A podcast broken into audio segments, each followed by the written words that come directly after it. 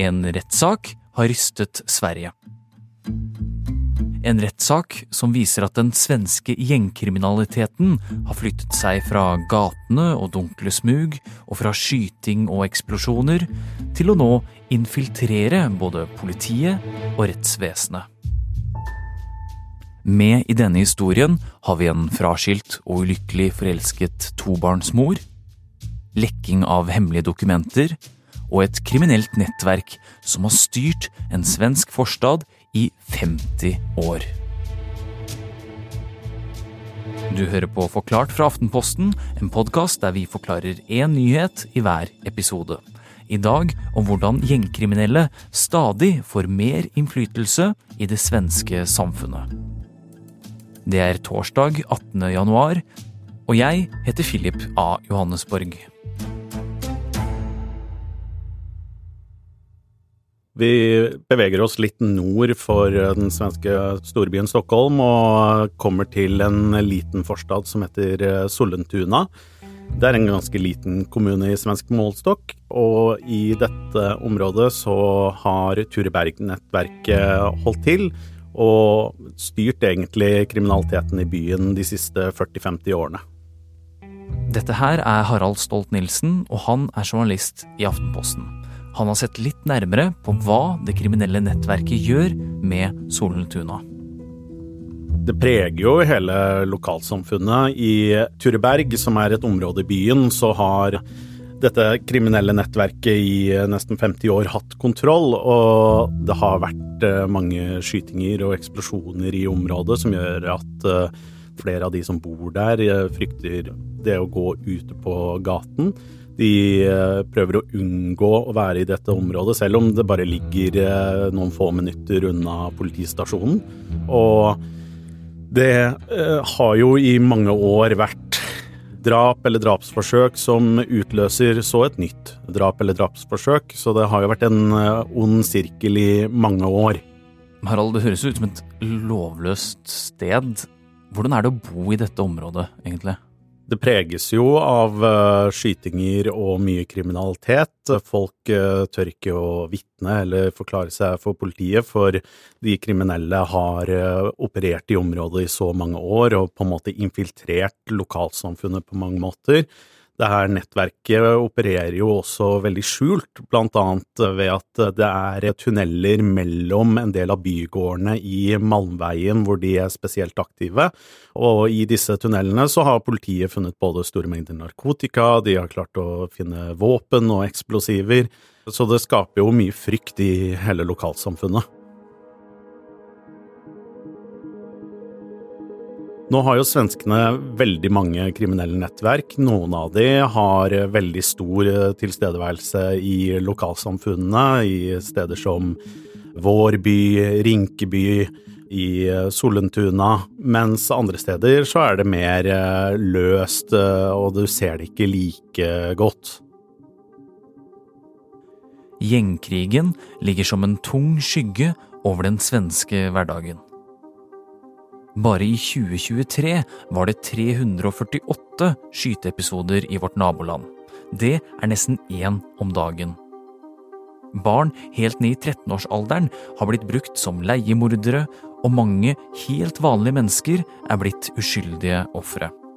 Og politiet prøver stadig å finne nye måter å få bukt med problemene. Svensk politi henger jo litt etter, det er jo mye brannslukking, men eh, i deler av områdene så klarer de jo å få til eh, gode etterforskninger og få tatt disse nettverkene. Det som er avgjørende ofte i slike saker, er jo da å bruke skjult etterforskning. Og det kan være dataavlytting, det kan være romavlytting, eller i veldig mange av disse sakene så er det jo også telefonavlytting. Og det å lytte til andre folks samtaler det gjør politiet også i Solentuna. Men under etterforskningen så skjedde det noe overraskende og urovekkende. For plutselig, og tilsynelatende uten grunn, så sluttet de kriminelle i Turebergsnettverket å bruke telefonene sine. Og så vender politiet blikket mot en fraskilt tobarnsmor.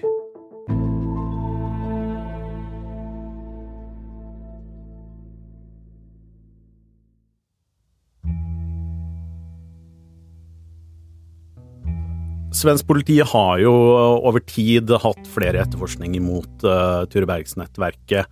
Og i uh, en periode så får de tak i telefonnumrene til flere av de sentrale personene i denne gjengen. Så da går de jo til domstolen og ber om å få lov til å avlytte disse telefonene. Det som overrasker politiet da, er jo at uh, disse kriminelle slutter plutselig å bruke telefonene. Noen av de endrer helt væremåte, noen av telefonene blir uh, bare kasta vekk. Så politiet får jo ganske kjapt en mistanke om at uh, de her kriminelle har noen som forteller dem at de nå blir etterforska og er under avlytting. Politiet begynner å tenke er det noen inne hos oss? Og da ringer alarmklokkene hos politiet. På en eller annen måte har de kriminelle fått vite at de blir avlyttet, og politiet setter i gang en intern etterforskning, for i praksis er det ganske få som vet hvem som blir overvåket og ikke. Et tips får dem til å sjekke ut de ansatte i den lokale domstolen, og det er nå den 32 år gamle fraskilte tobarnsmoren fanger oppmerksomheten deres. Hun er jo blant de i domstolen som har tilgang til dokumenter som er hemmeligstempla, som viser hvem politiet har bedt om eh, bl.a. telefonavlytting mot. Dette er informasjon som er så hemmelig at eh, det lagres ikke digitalt engang, det er kun fysiske kopier inne i domstolen. Når politiet får eh, mistanke om at eh, denne kvinnen driver og lekker eh, hemmelig informasjon, så iverksetter de jo selv en hemmelig etterforskning mot denne kvinnen. De setter opp blant annet et skjult kamera på kontoret hennes, og der begynner de etter hvert å se at hun tar frem dokumenter og tar bilde av dem med telefonen hennes. Tre uker senere så blir hun pågrepet, og da får jo politiet også tilgang til telefonen hennes.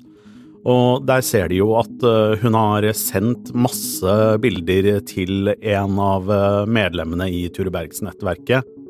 I disse hemmelige dokumentene som hun har delt, eh, så står det jo hvem som er under hemmelig etterforskning, hvilke telefonnummer som politiet har lov til å avlytte, og det står også litt om hva slags annen type informasjon politiet har, og mistankegrunnlaget til politiet, da. Og alt dette, det sender hun til en ung mann. Og kvinnen har ikke bare sendt ham graderte dokumenter om politiets etterforskning, mannen har også mottatt fortrolige meldinger fra henne over lengre tid. Det ser ut til at hun i hvert fall har vært forelsket i han, mye tyder på at han ikke har vært eh, forelsket i henne, men brukt henne, da. Harald, hvem er denne kvinnen? Det ser jo ut som at hun ønsker en eh, relasjon til denne kriminelle. Hun har jo vært ansatt i denne domstolen da, over en eh, lengre tid. Hun er jo ikke tidligere dømt for noe, i hvert fall ikke vært mistenkt heller, men hun har jo tidligere hatt en form for relasjon til eh, personer fra et annet eh, kriminelt nettverk i Solentuna. Så hun har jo vanket i miljøer der det har vært flere kriminelle. I bevismaterialet mot kvinnen står det at hun har delt info via Snapchat. Men hun har også tatt med seg arbeidsdatamaskinen sin hjem og latt denne mannen komme og se på dokumenter på PC-en. Et eksempel er jo fra i sommer, da hun ikke hadde med seg jobb-PC-en, og hun forteller det til eh, mannen, og da velger jo han å ikke komme hjem til henne. Eh, så mye kan jo tyde på at hun har blitt utnyttet. Noe også kvinnen legger vekt på i sin forklaring. Når kvinnen blir pågrepet, så eh, forklarer hun seg jo eh, flere ganger for politiet. Eh, og den forklaringen endrer seg jo. Den starter med at hun sier at hun er blitt utsatt for trusler og press, egentlig. Men etter hvert så endrer det seg jo til at hun sier at men når hun først har gjort det én gang, så må hun fortsette med det.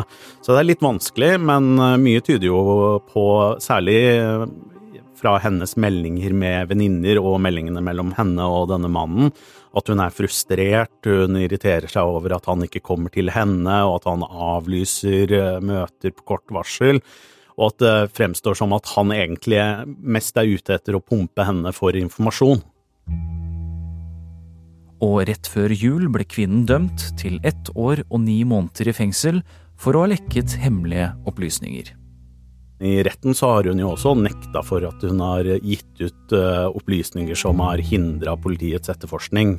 Det har jo politiet og statsadvokaten i Sverige vært eh, helt uenige med henne i. Påtalemyndigheten kaller det som har skjedd, både for en katastrofe og en trussel mot systemet. Kvinnens forsvarer sier til SVT at dommen kommer til å bli anket, men denne historien du har hørt nå, er bare ett av flere eksempler på hvordan kriminelle nettverk kan påvirke rettsvesenet i Sverige. Kriminelle er jo ofte avhengig avhengige av å få hjelp, de også, og i hvert fall for å kunne unngå politiet. Og da er det jo folk på innsiden som øh, de prøver å få hjelp av. Man har jo eksempler på at øh, det har vært eh, politietterforskere i Sverige som har måttet eh, forlate enkelte saker de leder fordi de, det viser seg at de har familiære bånd til eh, gjengkriminelle som er en del av det, den gjengen de er satt til å etterforske. Man har advokater som har brukt krypterte telefoner og delt etterforskningsdokumenter med kriminelle. Og så har man jo nå også i det siste sett at eh, det er flere ansatte i kriminalomsorgen i Sverige, altså folk som jobber i fengslene, som søker seg aktivt til enkelte avdelinger hvor det sitter kanskje folk som er i familie med den de er sammen med, lignende. Så dette er jo en utfordring, for da mister man jo etter hvert tilliten til systemet, og det åpner jo også opp for en del infiltrasjon da, av disse delene av samfunnet. Ja, for hva, hva gjør dette her med rettssystemet i Sverige? Jeg vil jo tro at uh, mange svensker mister en del av tilliten til uh, rettssamfunnet. Uh, særlig når man får så mange saker som man har fått de siste årene, og at man ser at uh, gjengkriminaliteten har spredt seg så voldsomt, og samtidig så har man så mange drap, drapsforsøk, eksplosjoner, så rokker det nok ved den svenske befolkningens tillit til hele rettssystemet. Og det erkjenner jo også til dels uh, svensk politi, at det er en utfordring, og de peker jo på at kriminelle sin infiltrasjon av samfunnet er en stor utfordring. Bekymringen for kriminalitet har økt kraftig blant svenskene det siste året. I Sveriges nasjonale trygghetsundersøkelse så oppgir over 50% av den voksne befolkningen at de er urolige. Derfor har svenske myndigheter og politikere måttet gjøre noe for å få bukt med utfordringene. Etter nyttår trådde flere nye lover i kraft, som kanskje kan stoppe infiltreringen.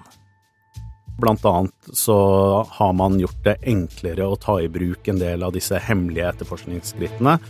Eh, som telefonavlytting, dataavlesning og romavlytting. Så de tar jo flere grep, men de står jo overfor store utfordringer med denne tilveksten av kriminelle som eh, begår mye kriminalitet. Det er mange drap, mange uoppklarte drap fortsatt, som igjen rokker ved tilliten til eh, rettsvesenet og samfunnet.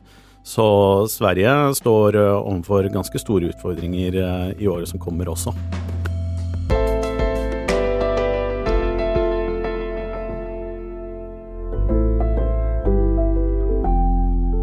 Du har hørt en podkast fra Aftenposten. Det var Harald Stolt-Nielsen som tok deg gjennom hvordan kriminelle stadig får mer innpass i Sveriges rettsvesen. De som har laget denne episoden, er Fride Næss Nonstad, Synne Søhol, Jenny Førland og meg, Philip A. Johannesborg. Resten av Forklart er Olav Eggesvik, Heidi Akselsen og Anders Weberg.